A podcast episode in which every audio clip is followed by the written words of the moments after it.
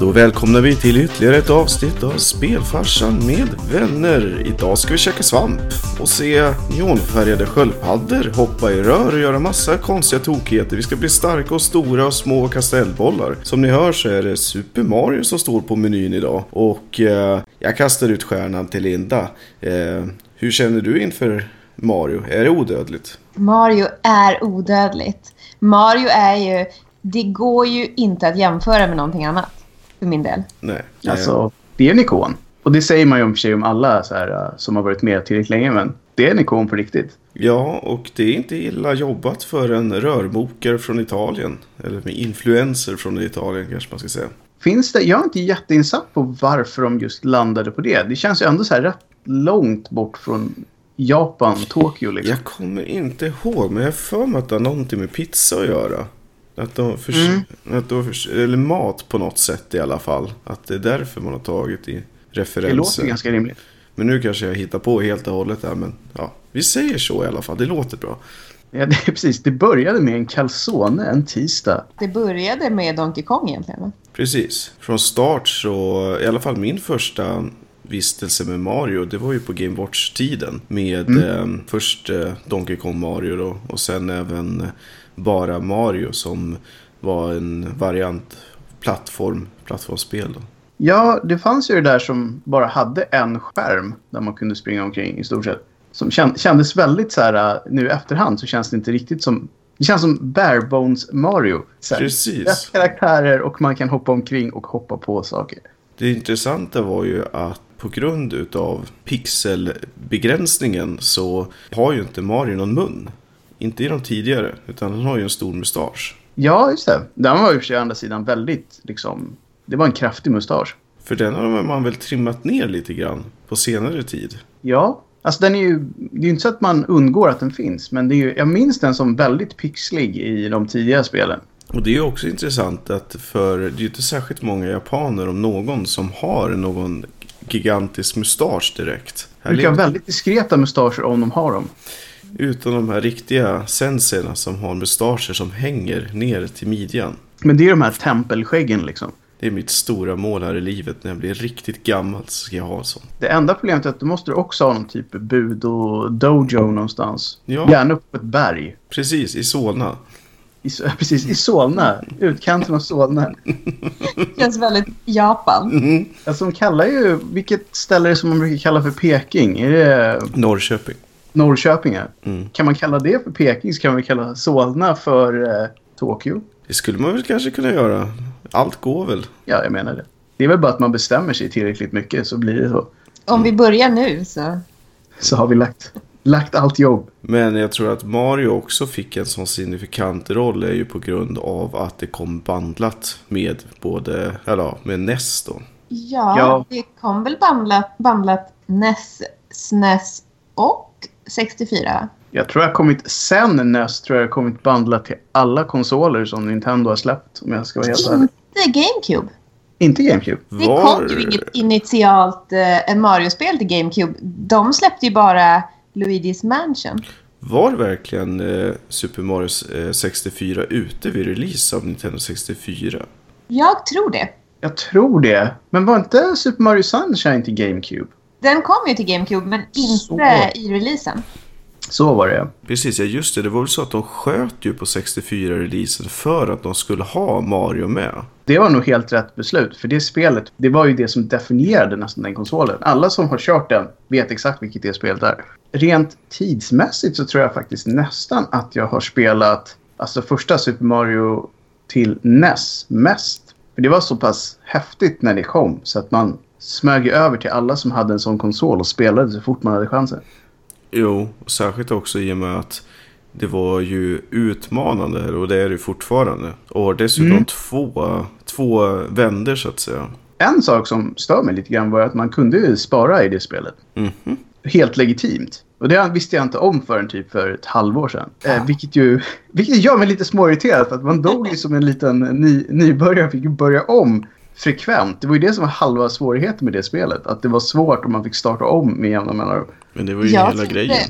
Mm. Ja, jag trodde att det var så. För att sen köpte jag eh, För det fanns ju något... eh, Till SNESet så fanns det ju eh, någon så här... Vad hette All-Stars tror jag det hette. Ja, Precis. Då, då fick man ju ettan, ja, tvåan och, och trean. Och då kunde man helt plötsligt spara och det var så jag trodde det var. Ja, det var så jag trodde det var också, att det var då det hände. Men det var inte då det hände. Vilket ju var väldigt störande. Men Eh, hur sjutton var det man gjorde då? För jag kommer inte ihåg hur det var det var man skulle trycka på båda de här små knapparna samtidigt tror jag. Start och select. Jaha, där ser man. Det kom, jag för mig att det var så att jag kom på det tillsammans med det jag spelade på den här lilla minikonsolen som de släppte nu förra året. Ja. Och då hade de typ skrivit det i någon eh, liten grej man fick med. Så här, instruktion. Jaha. Alltså, s- jag kan inte minnas någonstans att det har stått i alla fall i någon av de original... Det är nog därför man inte vet om det helt enkelt. Ja, Man är lite lurad på ett fusk känner jag. Ja, om det nu var ett fusk eller bara en väldigt dold funktionalitet liksom. Mm. Och om inte jag, Lite om jag inte minns fel så är det väl stående världsrekordet 4 minuter och 19 sekunder eller någonting i den stilen. Ja, det är, runt, det, det är under fem minuter. Oj. helt klart. Men det var ju halva grejen att veta vad alla liksom gömda rör och sånt där var så man kunde surfa förbi några av de här jobbiga banorna i alla fall. Ja, men var det för att man kunde warpa sig? Ja, det är klart. Då, blir det ju, då går det ju lite snabbare om man kan hoppa över en massa banor. Alltså jag tror att det är fysiskt omöjligt att klara spelet om man inte warpar om man ska göra det på under fem minuter. Ja, hur mycket tid hade man på sig på varje bana? För jag kommer ihåg att musiken blev väldigt stressad Tre minuter tror jag. Jag tror att det är, det står i sekunder men jag tror att det är tre minuter när man styckar Mm. upp det. Och sen är det, jag vet, inte, är det, jag vet inte om det har varit så i alla spelen men det är väl om man får de här stjärnorna, är det om man hamnar under en viss tid eller om det var en jämn tid? Bra Man fråga. fick det här fyrverkerigrejet när man sprang in i slottet. Just det. Var inte det när man... Nu kanske jag blandar ihop det här med trean. Man hoppade ju på den här flaggstången. Mm. Och Och- skulle komma så högt upp som möjligt. Så jag, jag tror att det var så här, nu kan det vara som man blandar ihop spel hej vilt, men jag får mig att om man kom högst upp på flaggstången brukar det vara så att man får ett one-up. Mm. Och ibland har jag för mig att om man landade på typ en jämn tid eller under en viss tid så fick man också fyrverkerier. Och så var det typ extra Just, bra. just det. Ja. Ja, jag, jag minns att man fick fyrverkerier ibland, men jag minns inte varför. Mm. Jag gissar att det var under en viss tid då för att hamna på en jämn tid. Jag Ja. tror att, att, att det var antingen det eller båda två. För det är någonting med själva tidsgrejen som gör det där. Eh, som jag inte heller fattade förrän långt, långt senare. Jag trodde alltid det var så här man hade en awesome run på någon vänster. Exakt, man gjorde det riktigt bra. Man hoppade på sköldpaddorna på exakt rätt sätt. precis. För bara för att eh, ja, klargöra det så. Warpless Super Mario så är det 19 minuter och 4 sekunder och 380 millisekunder som är det stående världsrekordet. Och för Warp, med Warp så är det 4 minuter 56 sekunder och 878 millisekunder. Så det är nästan fem gånger snabbare, höll på att säga. Precis. Jag är ändå ganska imponerad av 19 minuter. Ja, alltså jag kan inte säga att jag är i närheten av minuter. Det är väl minst. Om man ens klarar spelet. Det var ju inte så att man gjorde det varje sittning direkt. Det är ju det är ju det är ett par timmar, minst. Ja, och, men grejen var ju den att man kunde ju, de första banorna kunde man ju jättebra. Man hade ju koll på allting för de spelade man ju så många gånger. Men sen kom man ju till de där lite mer... Du skulle kanske kunna satsa på att komma in på 88 plats. Där har du en timme och en minut. Mm. Ja, Även där tror jag man får jobba på rätt ordentligt. ja jag tror det också. Men just det här att som, som Linda säger, att de första banorna var, kunde man ju nästan bara skoja sig igenom. Mm. Men det var ju för att man var så dålig som man fick köra om dem så himla ofta. ja. Så att, ja, det var sen en rolig grej som är väldigt olika från person till person. Var ni de här som spelade väldigt snabbt eller sådana som tog det mer metodiskt? Jag tror jag var den här lite mera fegisen som liksom stod och väntade på att eh, eh, roterande eldklot och så vidare skulle försvinna. För det, jag det, spelade det väldigt snabbt. Jag det var är nästan de två typiska spelstilarna som jag har hört nästan. Antingen så är man så att man nästan springer hela tiden. Ja. Eh, eller så gör man som det verkar som jag och Oskar då, att man väntade ut saker, man spelade taktiskt. Eh, och ja, det skulle vara intressant att veta om det finns någon som det är tänkt. Alltså så här, det var så vi hade tänkt att det skulle spelas. För att jag har stött på väldigt många som tycker att den här lite mer avvaktningen, det är inte Mario. Utan Mario är just typ som Mario Run nu, att man ska vara fullt ös hela tiden. Ja, exakt. Jag spelade ju ganska mycket tillsammans med min pappa och då bytte man ju kontroll varje gång för man kunde inte spela tillsammans på den Ja. Eh, och då var det alltid så här, när det var min tur så var ju den över ganska snabbt för att jag, jag dog ju snabbt för att jag spelade snabbt. Och sen var det hans tur och han var inte lika duktig. Förlåt, men så var det ju. Men han fick ju ändå längre speltid för att han stod ju ofta och väntade jättelänge och var lite feg. Så att vem var det som egentligen var smartast där? Jag vet inte, vi var nog båda lika. Lika osmart. ja, jag tror det. Fast på väldigt olika sätt. Mm. Det tränade i alla fall in ett fantastiskt muskelminne detta spel. Oh, ja. Alltså, jag tror fortfarande jag kan första banan utan till. Mm. Ja, det tror jag också. Mina kompisar eh, uppifrån Kiruna, där jag växte upp, kom ju ner på någon så här tjejhelg för ett tag sedan. Och då körde vi igång Mario, eh, Super Mario 3. Nice. Och det var ju verkligen så här, gud, första världen kan man ju spela och blunda. Mm. Det spelet tror jag nästan aldrig, eller jag tror faktiskt inte jag körde det på NES överhuvudtaget. Utan jag körde nog bara All-Stars-versionen på SNES. Mm. Det var, Nej, det jag var- det var Nej, tvärtom se- för min del. Okej, för när jag fick se det första gången på NES så var jag såhär Damn that's ugly. Och det var ju fantastiskt. Det är ju fortfarande en av de bästa titlarna. Ja. det var riktigt, riktigt bra. Det var den här mysfaktorn. De hade lagt så mycket um, touch på de här kartorna tyckte jag. Så de kändes så här levande. Mm. Ja, verkligen. Man, det var den första som man hade en karta, va? Ja, det var det. Ja. Det var De andra ju var ju det bara någon sån här liten statusbar från sidan typ. Att man flyttades till nästa prick eller vad det nu var. Ja. Mm. Det var det första som introducerade viss valbarhet också. Mm. Just det, för man kunde ju faktiskt hoppa över vissa banor där om man ville. Ja, för, och även om man inte använde sig av warpzoner och flöjter och sånt där så som sagt så gick det alldeles utmärkt att hoppa över saker och ting. Plus att det fanns ju massa gömda saker. Man kunde ju använda hammaren för att komma åt vissa grejer. Och det var svamphus som dök upp och man gjorde vissa saker. Och för att inte tala om det här pengaskeppet som dyker upp om man hade en viss, vad var det, en viss summa, viss summa pengar. Japp. Och de här jävla Hammer Bros som Ja. vaktade kistor. Och slutbossen som också åkte runt med sitt skepp. Ja. Ja.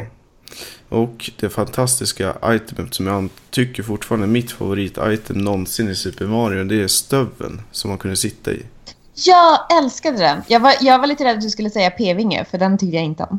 Den är verkligen game-breaking på en Ja. hög, hög nivå. Eller hur? Ja, så här, det är bara ta den, flyga högst upp och flyga ovanför hela banan till slutet. Hammardräkten är ganska cool också. Den är cool. Eh, men den där stövelgrejen är lite intressant. För att den var ju egentligen bara med i ett spel under väldigt, väldigt lång tid. Eh, men hade blivit upptäckt i Nintendo så här 15 år senare en favorit hos fansen.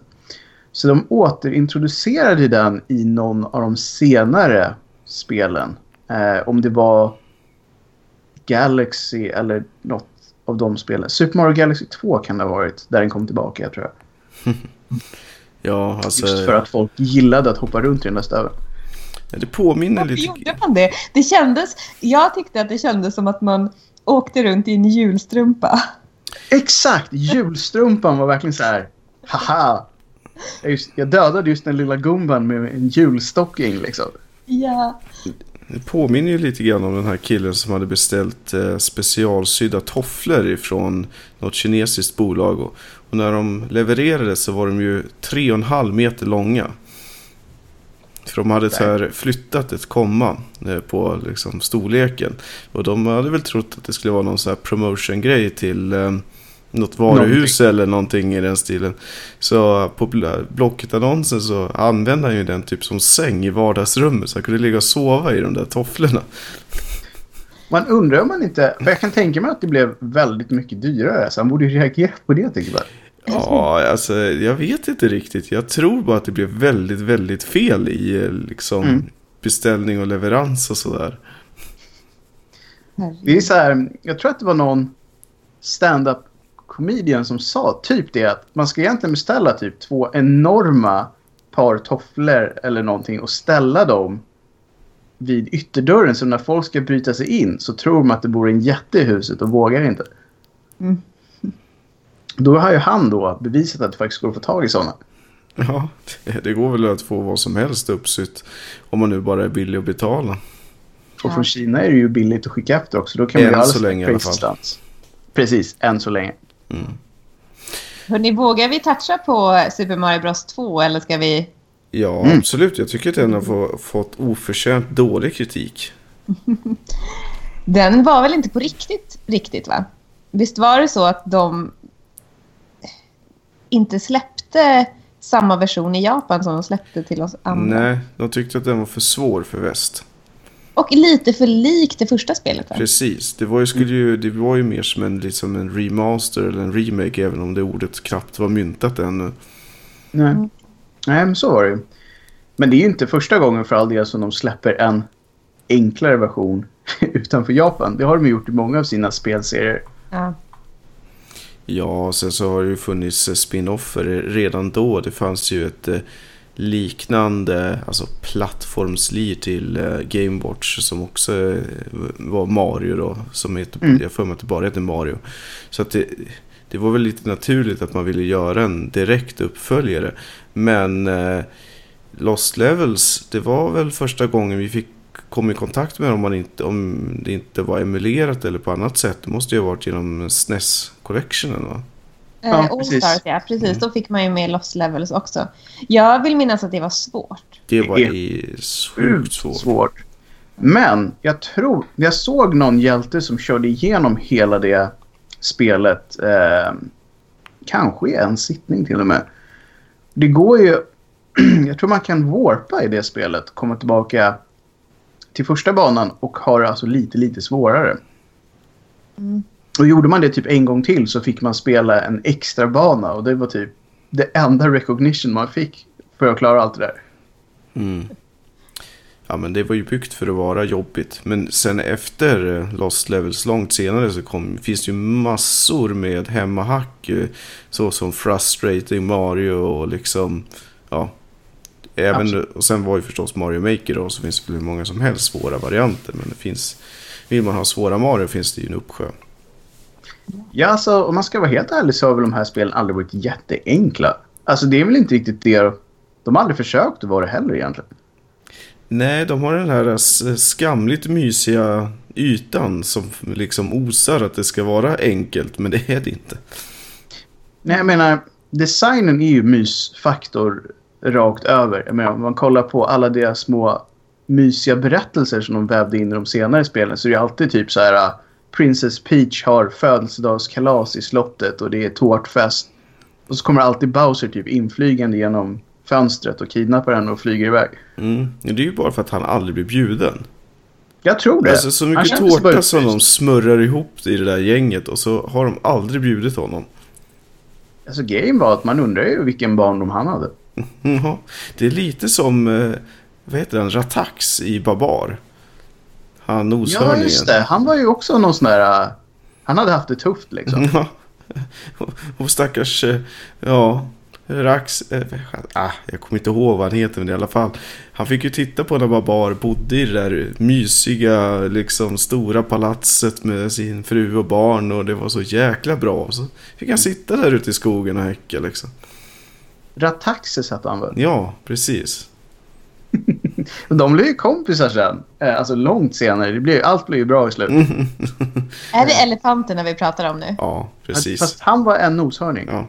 Det var ju elefanterna som var de goda och noshörningarna som var de onda. Även om helt rik, ärligt talat så vet jag inte hur mycket ont egentligen det var i den där serien. Men Det var ju ganska stor mysfaktor i den serien också. Så att jag tror mer var så här att de var ovänner. Och så hypade de upp det ganska hårt. Sen blev de typ kompisar ganska snabbt. mm. Till Jag blandar alltid ihop Babar och Barbapapa. Jag tycker att... I, i Barbapapa fanns det inte så många noshörningar. Nej. Och, Men jo, de kunde ju bli vad de ville.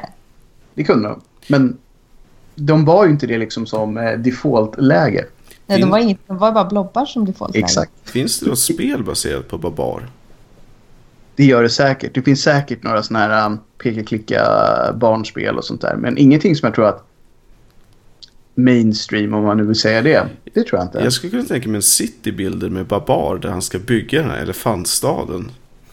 Ja, precis. Det gjorde de ju i serien. Det var ju en jättestor grej. Han hade ju någon någon äldre gumma som han eh, tog hand om.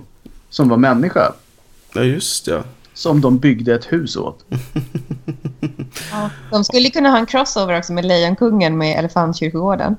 Oh. Oh, vad mörkt det blev. Ja. Det är bäst att, att uh, återvända till Mario och Ja. glada igen kanske. Innan det blir för mörkt igen. Så. Men- Men rent storymässigt i Mario som sagt så är det ju väldigt mysigt. Tills det inte blir mysigt. Men sen så slut. Alltså man får egentligen aldrig något riktigt slut i de där spelen. Man räddar prinsessan. Och det ofta så här, ah, thank you Mario. Och så får han en typ puss på sin någonting. Hatten, näsan, kinden. Och så blir han, rodnar han som få och sen är det slut. Yeah. Uh, princess is in another castle. Det är ju hela vägen till slutet som man säger. Ja. Mm. Alltså den här stackars prinsessan å andra sidan. Hon måste ju spendera försvarlig tid i att vara inlåst i små burar och var det nu är någonstans som hölls fången. Ja, så i de tidigare så var det väl i burar, har jag för mig. Har, ni Eh. ja, har ni tänkt på att jag undrar om inte Peach har ett visst Stockholmssyndrom? Ja, hon har hängt med, med Bowser så länge. Ja. Ja, så att det är kanske så att de har en affär så hon kanske vill bli kidnappad då och då. Man vet inte. Det var ju i eh, Super Mario Sunshine tror jag så var ju hela storyn att Bowsers, en av hans kids, han har ju jättemånga. Och Eh, alla heter Bowser Junior.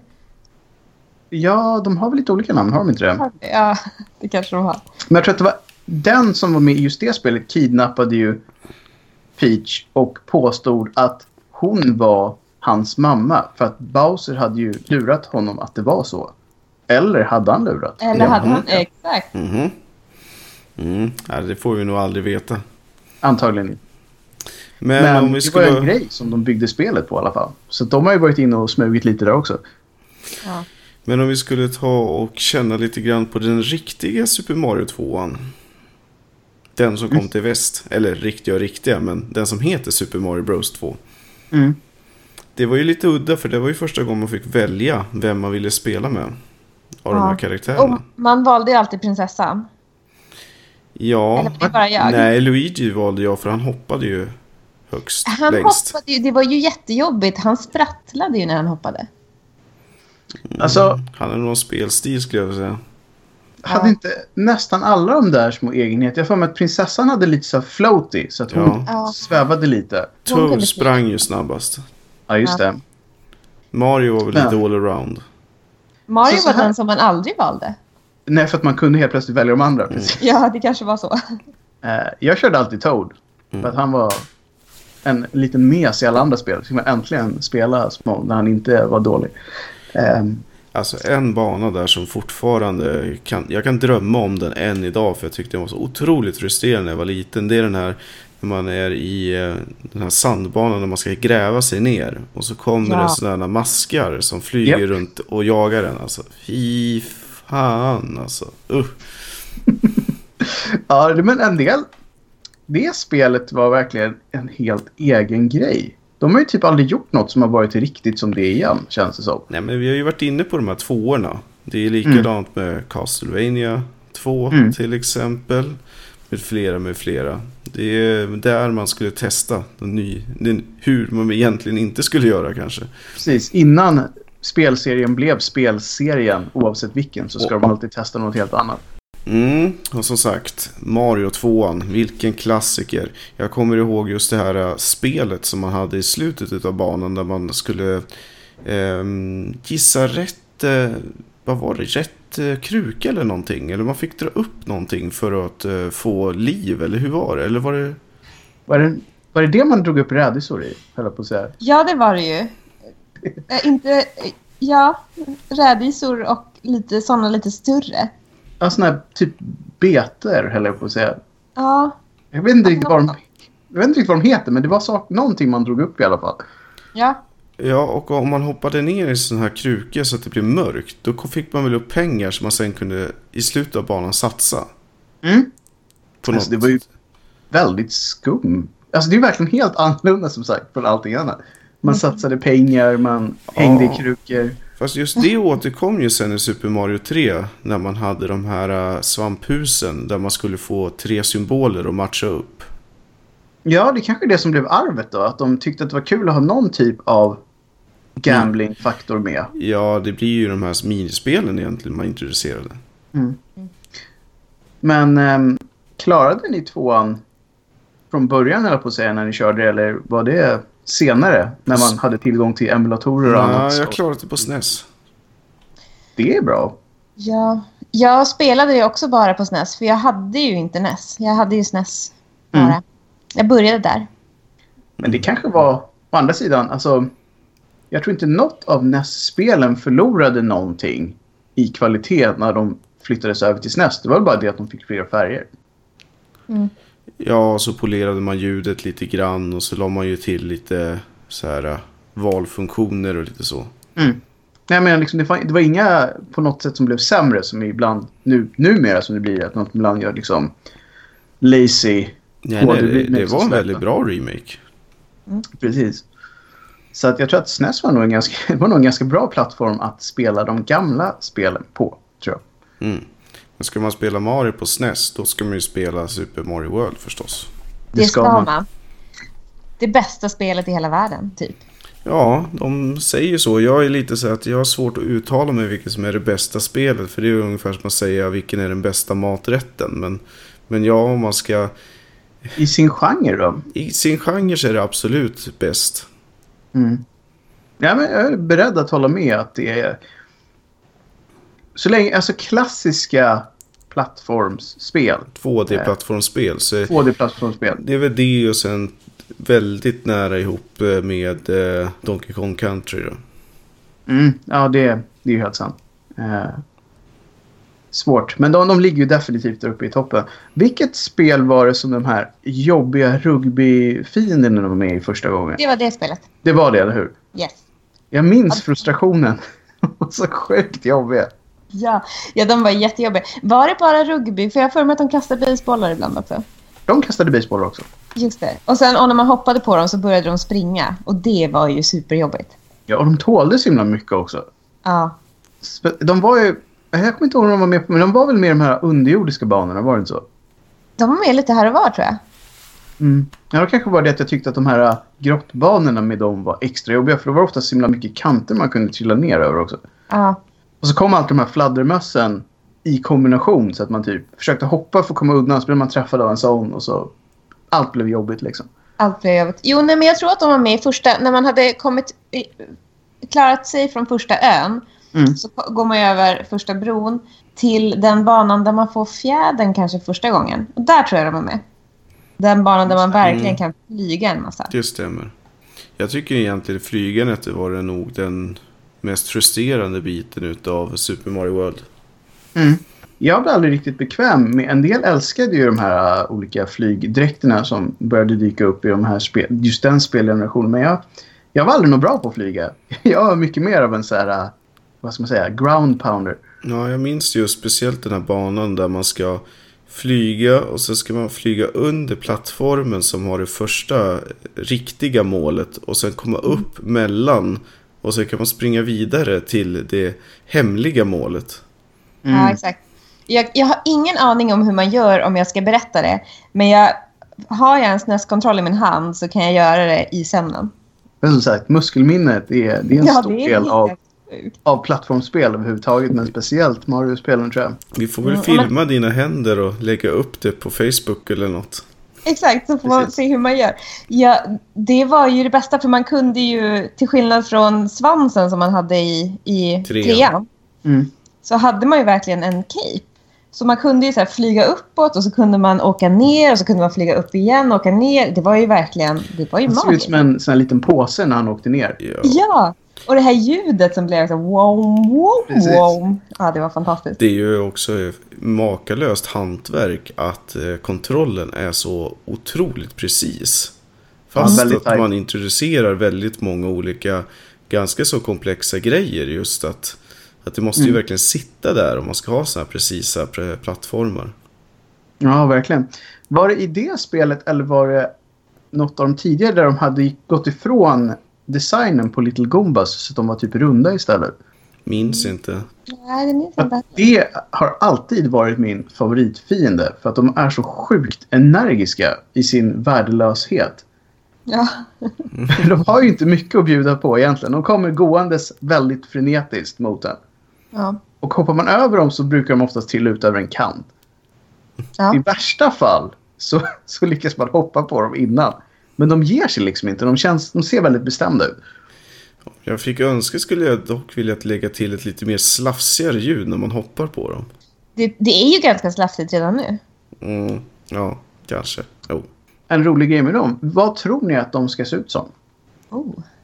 Mm, jag vet inte. De flesta skulle säga att det är en svamp av något slag. Fast en kon- väldigt konstig svamp. Men det är inte det, utan det är faktiskt... Jag tror att det var tänkt att de ska se ut som ett ekollon eller något annat. Va? Det är den japanska tolkningen av vad det borde vara för någonting. Mm. Där ser man. Men ja, ja, ja alltså. Jag tycker ju i de senare titlarna, ta till exempel eh, Super Mario Run, så tycker jag att man ändå framhäver svampigheten. Ja, man tycker ju det. Eh, Så jag vet inte om det är så att japanerna har en helt annan, helt annan syn på hur ett ekollon ser ut. Eller nej, inte ett ekollon. Det är en kastanj. Jaha, ja, men, ja. Kastanjer.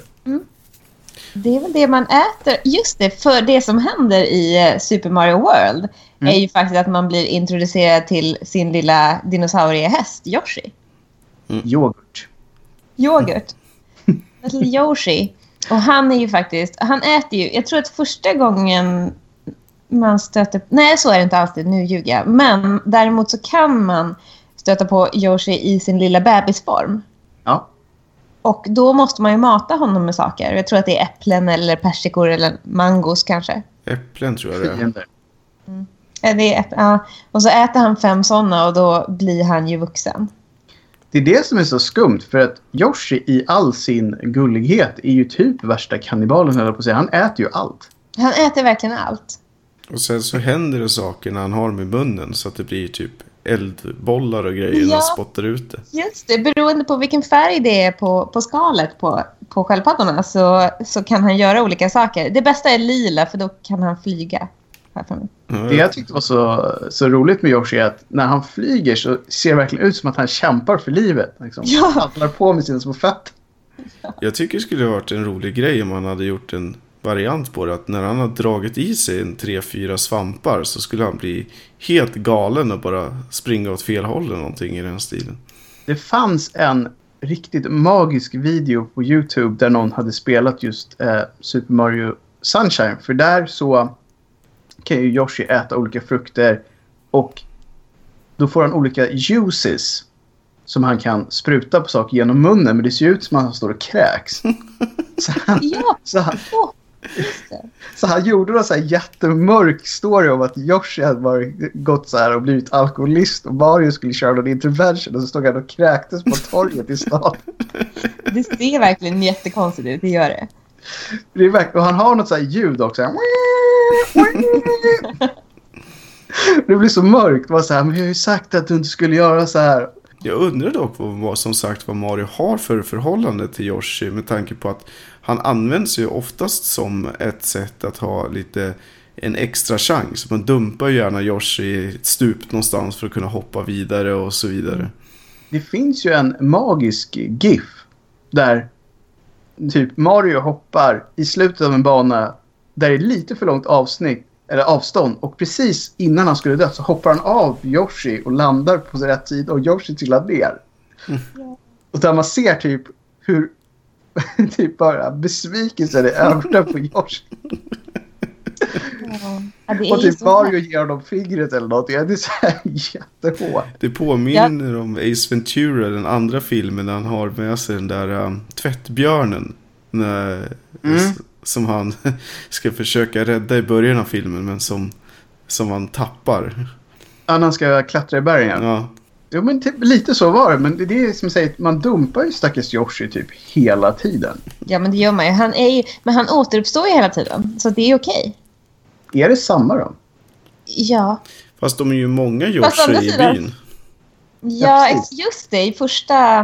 När när man går in där bland träden. Mm. Mm. Första, då är de ju alla färger där också. Så det skulle ju kunna vara att egentligen så är det inte samma. Utan alla heter bara Yoshi så har man dödat 6000 per person. Liksom. Ja, speciellt med tanke på att man får dem som bebisar ibland. Ja. Ja. fast jag är lite inne på att det är som i eh, Liftarens guide till galaxen. Den här stackars varelsen som Arthur Dent eh, klappar ihjäl. I alla möjliga former. Men han kommer ju alltid tillbaka på något vänster. Precis. Det kanske är så med Yoshi. Jag tror att om det är så att vi, vi kanske tolkar in för mycket. För jag tror att de vill inte att det ska vara så att man har haft ihjäl mängder med söta små dinosaurier. Nej. Det- Men kommer ni ihåg att det var så att utanför varje spökhus och eh, borg så fick man inte ta med Yoshi in? Han fick aldrig komma in. Ja, men han var ju rädd för spökena. Han var rädd. Mm. Men i Det var- borgarna då? Det var det officiella skälet var att han var en fegis. Ja, eller så var han ledsen på att bli dumpad. Så han var inte sugen på lavabanorna heller. Nej. Nej, alltså jag, jag tror faktiskt att det var förklarat i någon Jo. av de här uh, Nintendo Magazines eller någonting att han faktiskt var rädd. Ja, i serien så är han ju sjukt eh, rädd för allt och allting i princip. Han var typ motsvarighet till Scooby-Doo. Ja, Ja, men han får bli åtminstone modig när han får Scooby-kex. Ja, precis. När de mutar stackare. Mm. Så att jag vet inte. Det är lite... Det är ju lite... Alltså det är ju ett bra så här, skäl att göra en bana svårare. För som sagt, han är ju med som en hjälplina egentligen. Ett extra liv, en extra chans, en extra träff. Och apropå eh, spökhusen.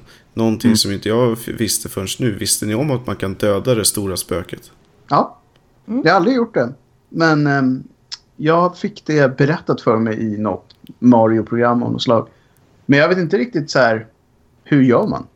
Man slidar väl? Man åker väl rutschkana precis mot det liksom. Man hittar en backe och sen slidar man ihjäl det.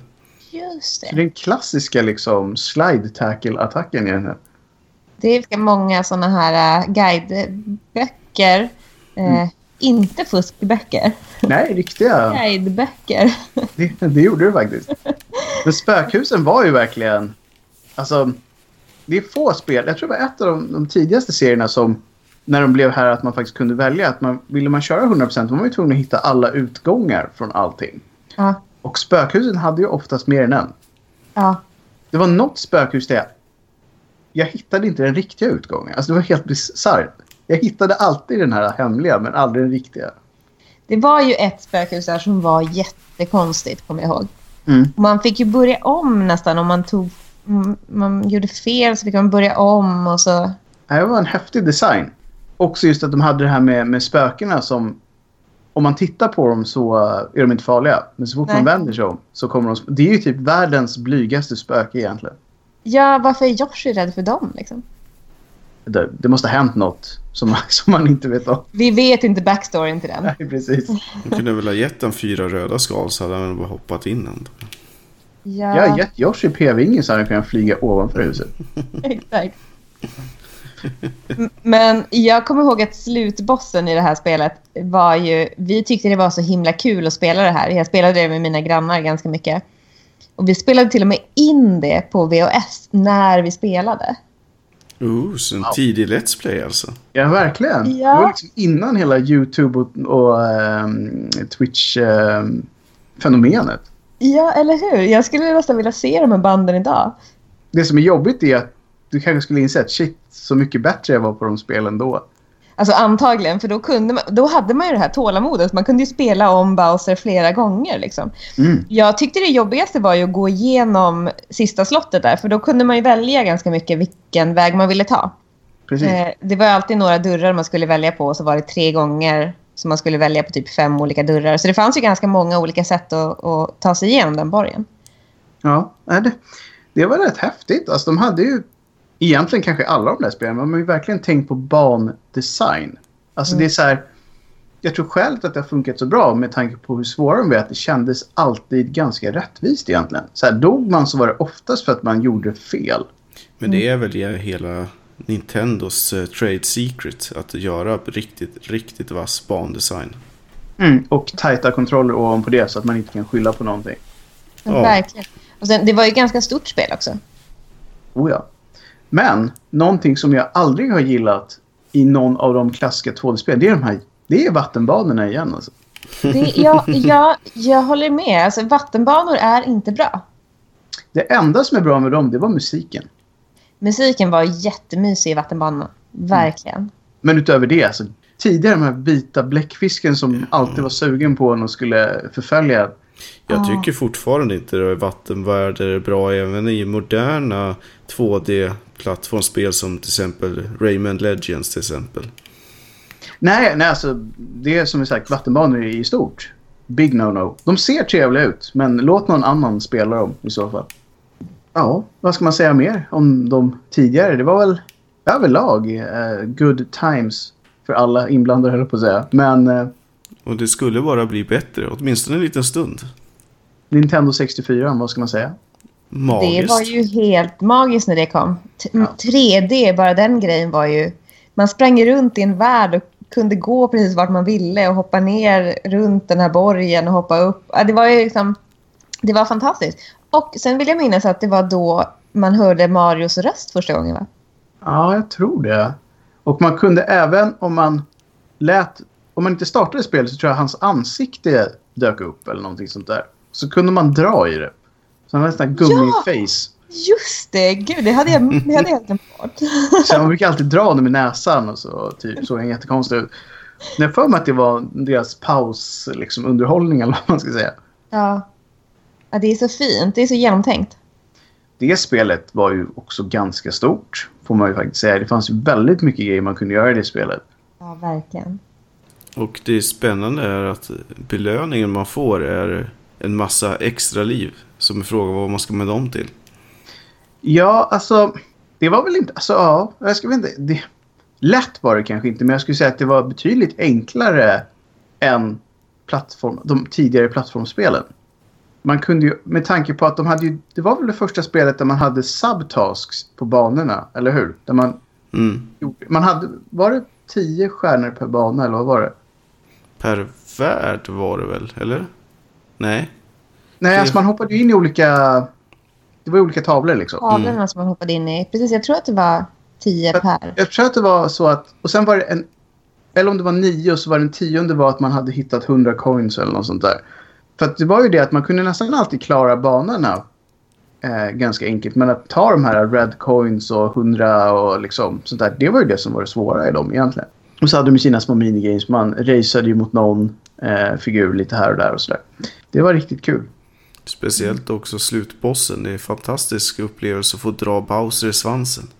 Absolut. Och så ska man kasta honom på miner också, eller vad var det? Ja. Ja. Återigen, alltså nu är han taskig här alltså. Bowser får liksom aldrig en chans att tala ut hans liksom, synvinkel på det hela. Det är han och Ganon. Exakt. Väldigt missförstådda eh, liksom, entiteter överhuvudtaget. Fick aldrig en chans. Tror du man skulle kunna göra någon variant av Expendables fast med bara så här uh, Nintendo-skurkar?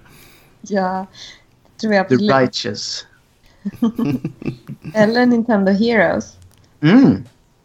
Fast å andra sidan så introducerade ju Nintendo en antihjälte i form av, uh, vad heter han? Warrior. Ja, Wario. Wario. Warrior. Som också egentligen är Super Mario-spel. Fast med en annan karaktär. De har väl lite andra... Jag kommer inte exakt. De har väl lite andra inslag också än just plattformsspel. Eh, spel. Ja, det är så länge sedan så Jag att tror jag... att det är lite, lite mer pusslande och sådana grejer i de spelen. Men ehm, det är ju verkligen anti... Alltså det är ju motsatsen liksom. Och de sålde också väldigt bra för all del. Men eh, jag vet inte fasen om de hade gjort det om inte Mario-serien hade funnits. Nej, det hade de inte. För jag tror många jämför just dem och så bara åh vad häftigt. Han är ju typ motsatsen till Mario. Super Mario-serien är väl fortfarande världens mest sålda va? Det var så i alla fall tills väldigt nyligen så jag har inte hört någonting annat. Det ska vara väldigt svårt. Med tanke på att Nintendo släpper nya spel som har med Mario på något vis att göra. Liksom, varje år så kommer ju ett antal. Ja, jag satt och funderade på Pokémon ett tag. Men det beror väl lite på hur man räknar och vad som är vad. Men jo. Pokémon var ju det tredje största franchiset de hade tror jag. Mm. Något sånt där. Mario var ju överlägset största men om det är överlägset största liksom, överhuvudtaget. Det vet jag inte men det skulle inte förvåna mig alls. Det, är, det är ju verkligen ett spel som typ alla har kört känns som. Precis. Minröj är ju för sig världens mest spelade ju- spel. Precis. Men det finns inte fullt lika många minröj som Mario. Om jag, om jag googlar lite snabbt här på Nintendos biggest franchises så Mm. kommer ju liksom Super Mario högst upp. Sen kommer Mario Kart, sen är det Mario Party. Så att jag gissar att det är Mario. Mario Party.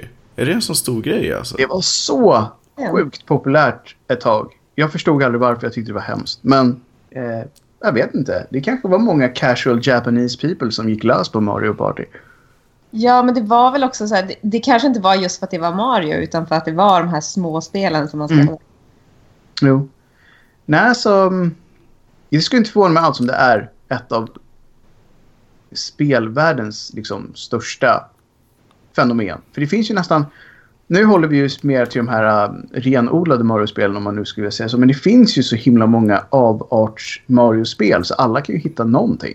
Mario Ja. Paint? Paint och det finns ju... Han går lös på golf, han spelar tennis. Det finns säkert något fiskespel där någonstans. Alltså det är så här, det, allt finns. Och det, det är alltid som i Mario så göra någon ny grej liksom. Till och med fightingspel med Mario. Ja. Och sen finns det ju jättebra rollspel som Paper Mario som är helt fantastiskt. Så att det, det finns ju verkligen någonting för alla. Däremot en, en karaktär som vi var inne på lite grann i början, eh, som Oscar spelade som den. Men Luigi, snacka om att alltid ha legat i bakvattnet. Ja, verkligen. Och han, visst var det så från början, om jag inte minns helt fel, så fick han ju sin backstory. Eller Mario fick väl sin backstory på det här andra arkadspelet som de Mm. släppte som hette Mario Bros. Eller något sånt. Precis. Precis. Men alltså, allra första gången man fick se Luigi så var det ju bara en reskinnad Mario. Alltså det var ju samma fast med grönt istället. Ja, Eh, så att- precis. Det var ju inte så att han hade något eget beteende men sen har ju det här byggts på över spelen så att numera så är det ju så att Luigi är bara längre och är mer skittish överlag. Mm. Det är längre och smalare. Precis, och är svårare att kontrollera men man får längre hopp och kan hoppa högre till exempel som då det som är payoff om man skulle köra som Luigi. Precis. Och jag tror att de hade, det var några år sedan de hade något jubileum. Jag vet inte om det var första spelen eller om det var något av de stora spelen. Då släppte de ju ett antal spel där Luigi hade en större roll. För att många fans tycker att han har varit lite mobbad sådär. Och en del spel så är det ju han som är huvudrollen om man tänker på Luigi's Mansion och sådär. Han är inte rädd för spökhus i alla fall. Nej, Nej, men han är ju en fegis däremot. Ja, han, eh, han blev ju lite inkastad i, i det där spökhuset. Så jag tänker att innan det kanske han var lite rädd. Men nu är han ju lite rutinerad. Alltså första Luigi's Mansion så går han ju omkring och ropar rädd efter Mario typ hela tiden. Och apropå det så en fantastiskt YouTube-klipp där de har gjort en crossover av eh, någon, en trailer till Resident Evil ihop med Luigi's Mansion. Det kan ju bara bli bra. Lite samma. Alltså, det spelet var i och för sig grymt. Alltså, det var ett riktigt, riktigt bra spel. Men jag vet inte riktigt. Om, om det inte hade varit så att Mario hade varit där också så hade ju Luigi säkert inte varit så populär. Han är ju som sagt lite av en fegis. Ja, det var, jag tyckte att det var lite mysigt. Minns jag helt galet nu? Eller var det så att man kunde förflytta sig på något sätt? Man var inne på ett visst ställe i, i det här slottet, mansionen. Mm. Så kunde man förflytta sig på något konstigt sätt till andra ställen.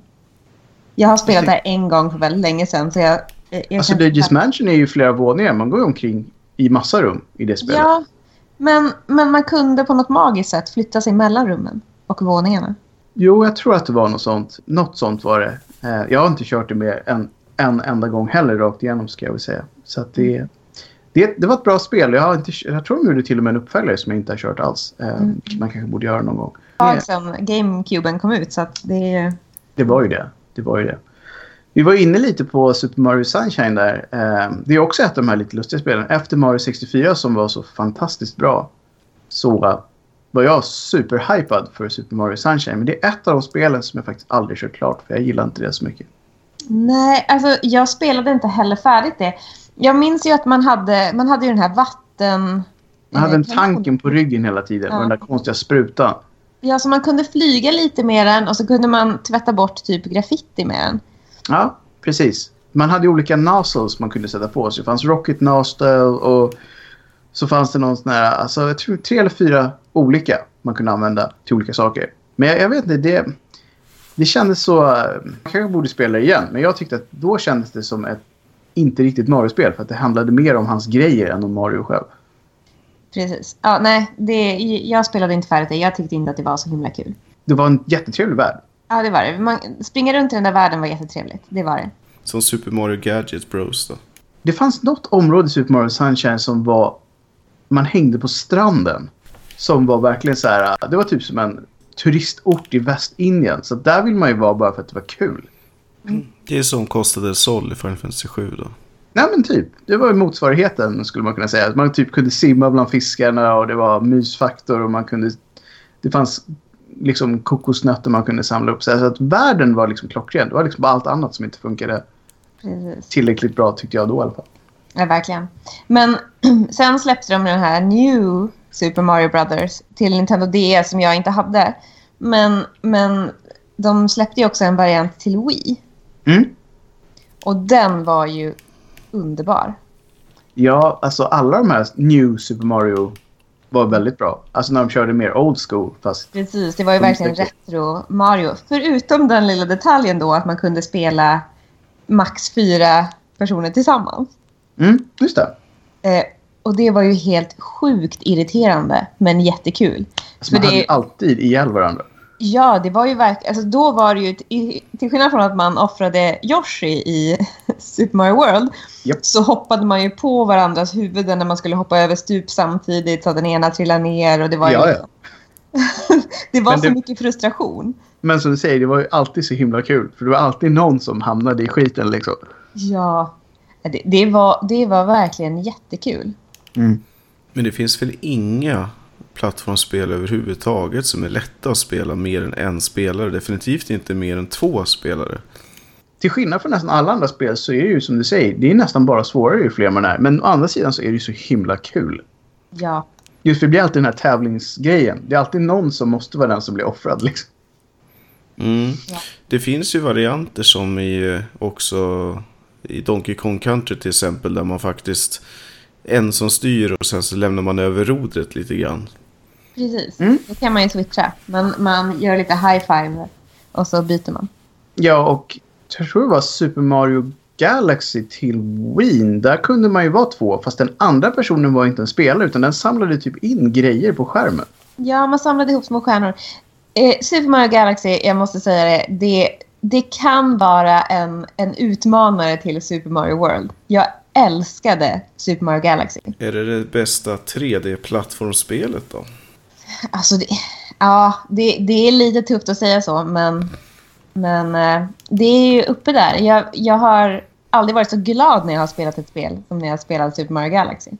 Jag tyckte det var helt fantastiskt. Ja. Ehm, det var så häftigt också. Det var helt nytt Mm. i hur Med de tänkte. här eh, gravitations... När man Exakt. sprang runt på små planeter. Fast var det det spelet man... Hade man stjärnor i det? Hade man? Ja, exakt. Man samlade Grand Stars. Just det, Grand Stars var det ja. För det var ju... Det var också... Det jag nu kom på, det var en av grejerna jag inte gillade med Sunshine. Det var inte stjärnor man samlade.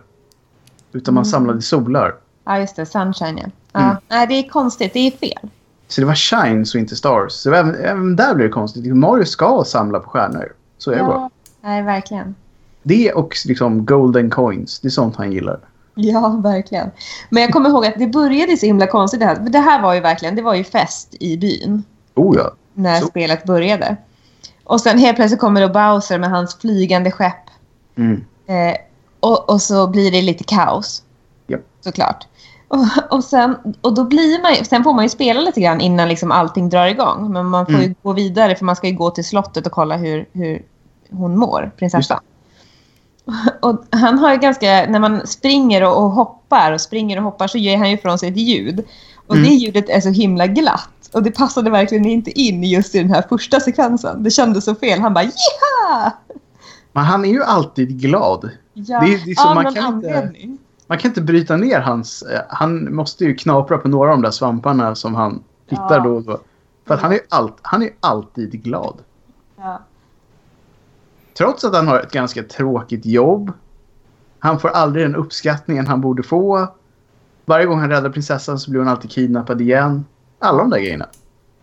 När har han tid för sitt dagjobb egentligen? Eller är det bara så att han har ett dagjobb som han aldrig går till. Jag tror inte man har sett honom laga ett enda rör i ett enda spel. Nej, det var ju bara i den här uh, spelfilmen de gjorde. Oh, den var ju så hemsk.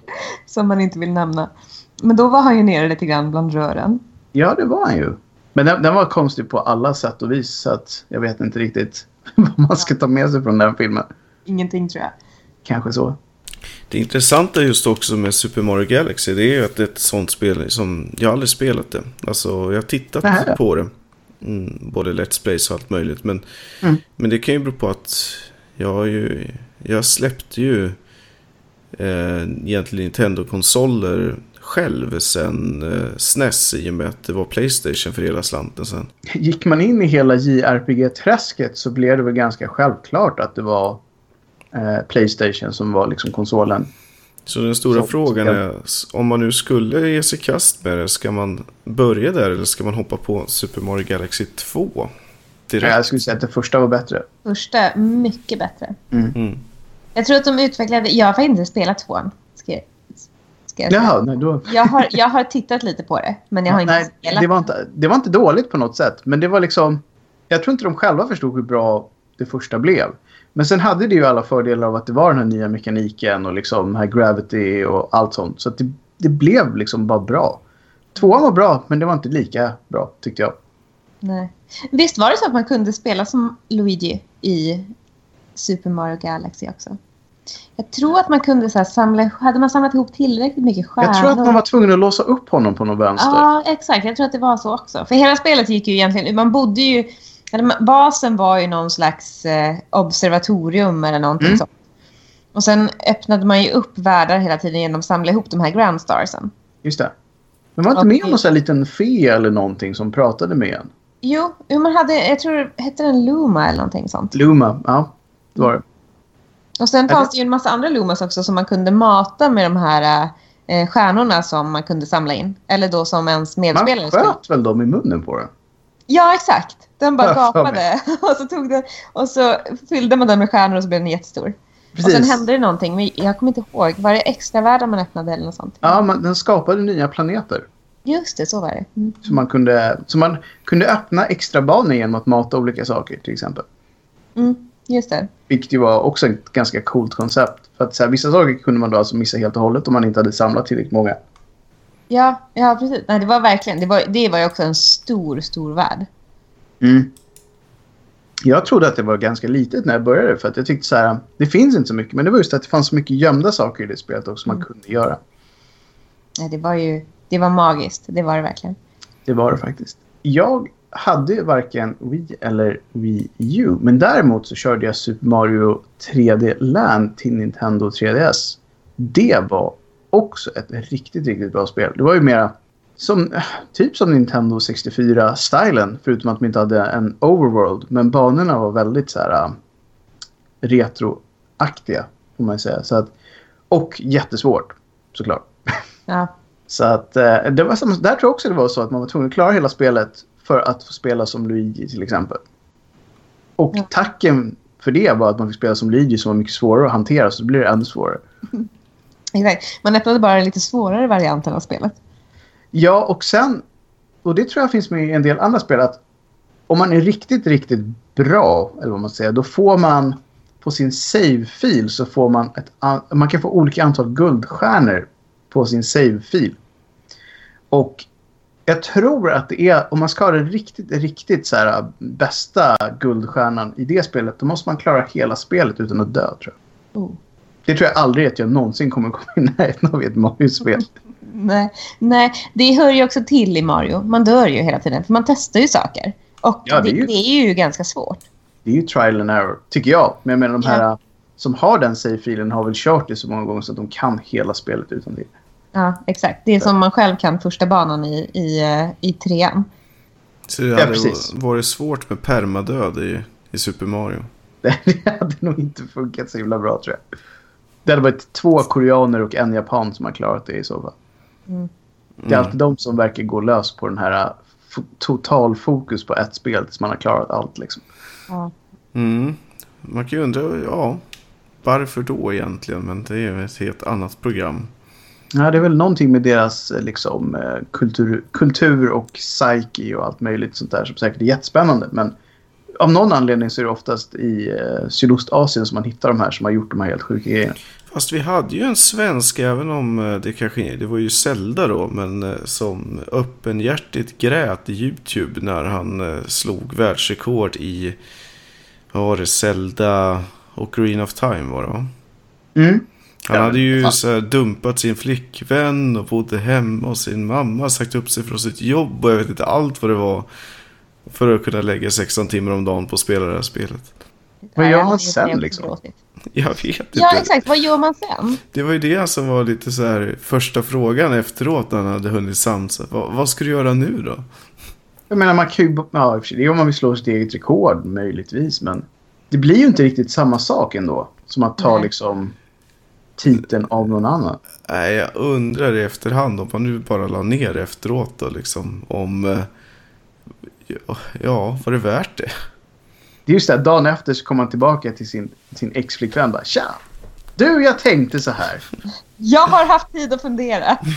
Nu, nu har jag ju klarat de här grejerna och jag gillade ju det egentligen så vad, vad säger du?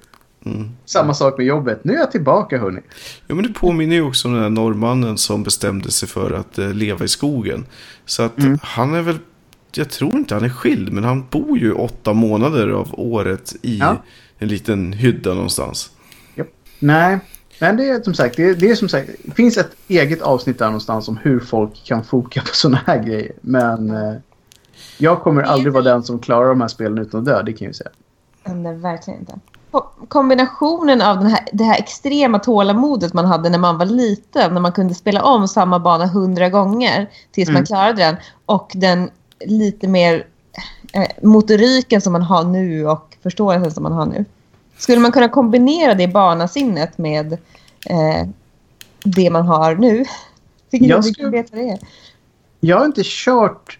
Alltså jag, som sagt, det här 3DS-spelet tror jag faktiskt jag klarade rakt igenom. Inte på dem liksom, när man hade varvat spelet någon gång, för då blir det så hysteriskt svårt. Men det lyckades jag ändå ta mig igenom. Just för att det var så pass bra så att det var värt att faktiskt klara det på riktigt. Och Rayman Legends klarade jag 100% för att det var så himla bra. Så att jag tror att man har fortfarande det tålamodet när saker är bra nog. Jag tror Ja. att man är däremot är lite mer kräsen med vad man faktiskt lägger tiden på. Ja, Är det, så är inte, är det inte tillräckligt bra så gör man det inte. Nej, nej, men absolut så är det verkligen.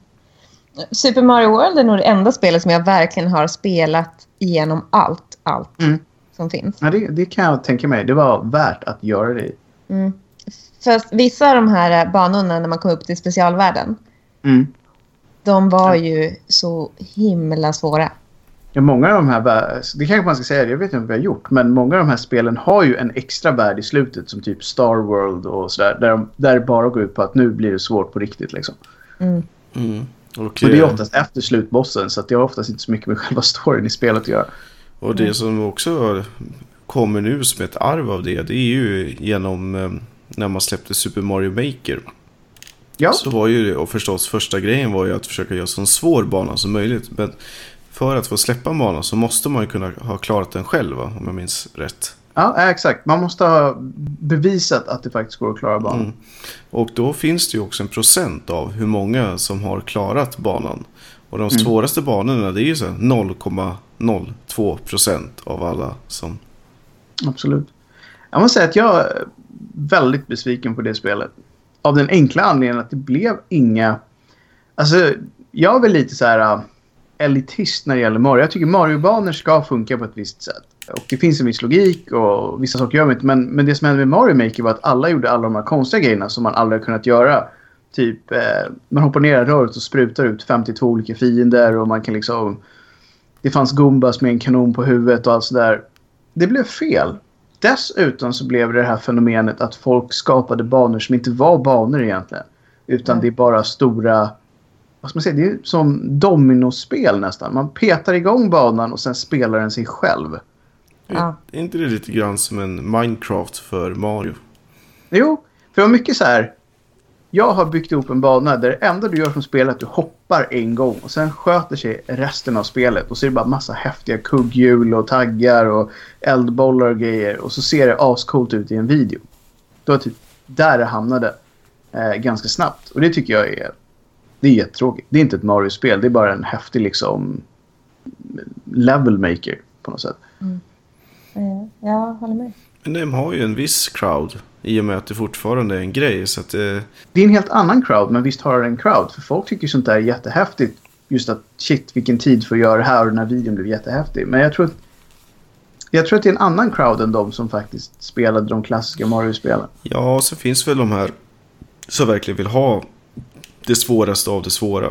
Speciellt när det spelet kom ut så var det väldigt många som streamade det på Twitch. Just så här, här är de tio svåraste banorna. Nu ska jag klara alla dem. Och så kunde de sitta och grinda det i två, tre veckor liksom. Oftast gjorde de ju det, för det var oftast väldigt duktiga Mario-spelare liksom. Men, men det var oftast så att nu tar vi de svåraste och så gör vi det här. Mm. Vad tror ni om framtiden då? Ja, det har väl kommit ett Super Mario Odyssey till Switch. Ja, Det har jag varken sett sagt mycket av eller spelat. Kan jag ju säga. men det var väl väldigt nyligt det släpptes. Det är väl nu i år va? Men egentligen så borde man väl kanske försöka prova på det. För att jag menar, de har ju, som vi nu har nämnt, en väldigt bra track record på bra spel till nya konsoler.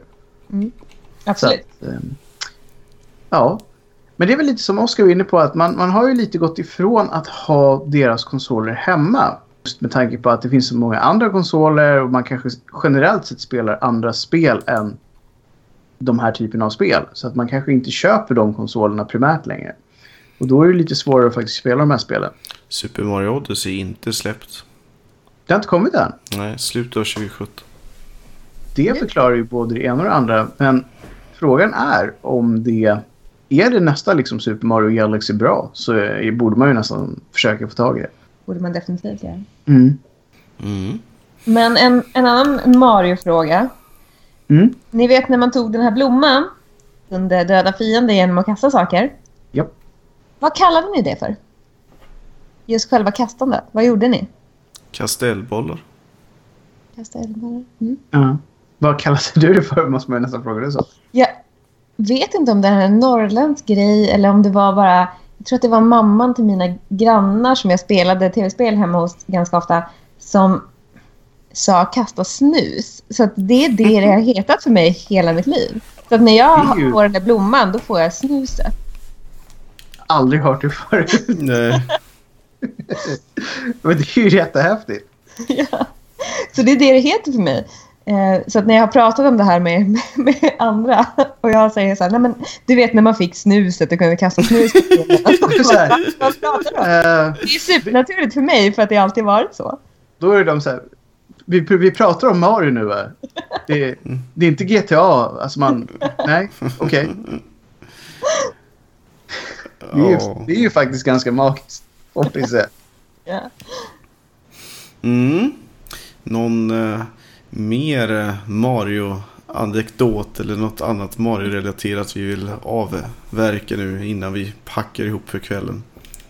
Ja, man ska väl inte säga så här som ett litet tips då kanske till folk som inte har varit inne på det här. Gör det. Om du har någon typ av förkärlek till plattformsspel i 2D eller 3D så är det här spel som man bara måste ha provat helt enkelt. Mm. Ja, och med det så tackar vi för oss och eh, blickar framåt mot nästa program. Mm. Då säger vi tack och hej och adjö. Hej hej! Hej hej! Hej hej! I nästa vecka så kommer vi prata E3-mässan. På återhörande då, tack och hej.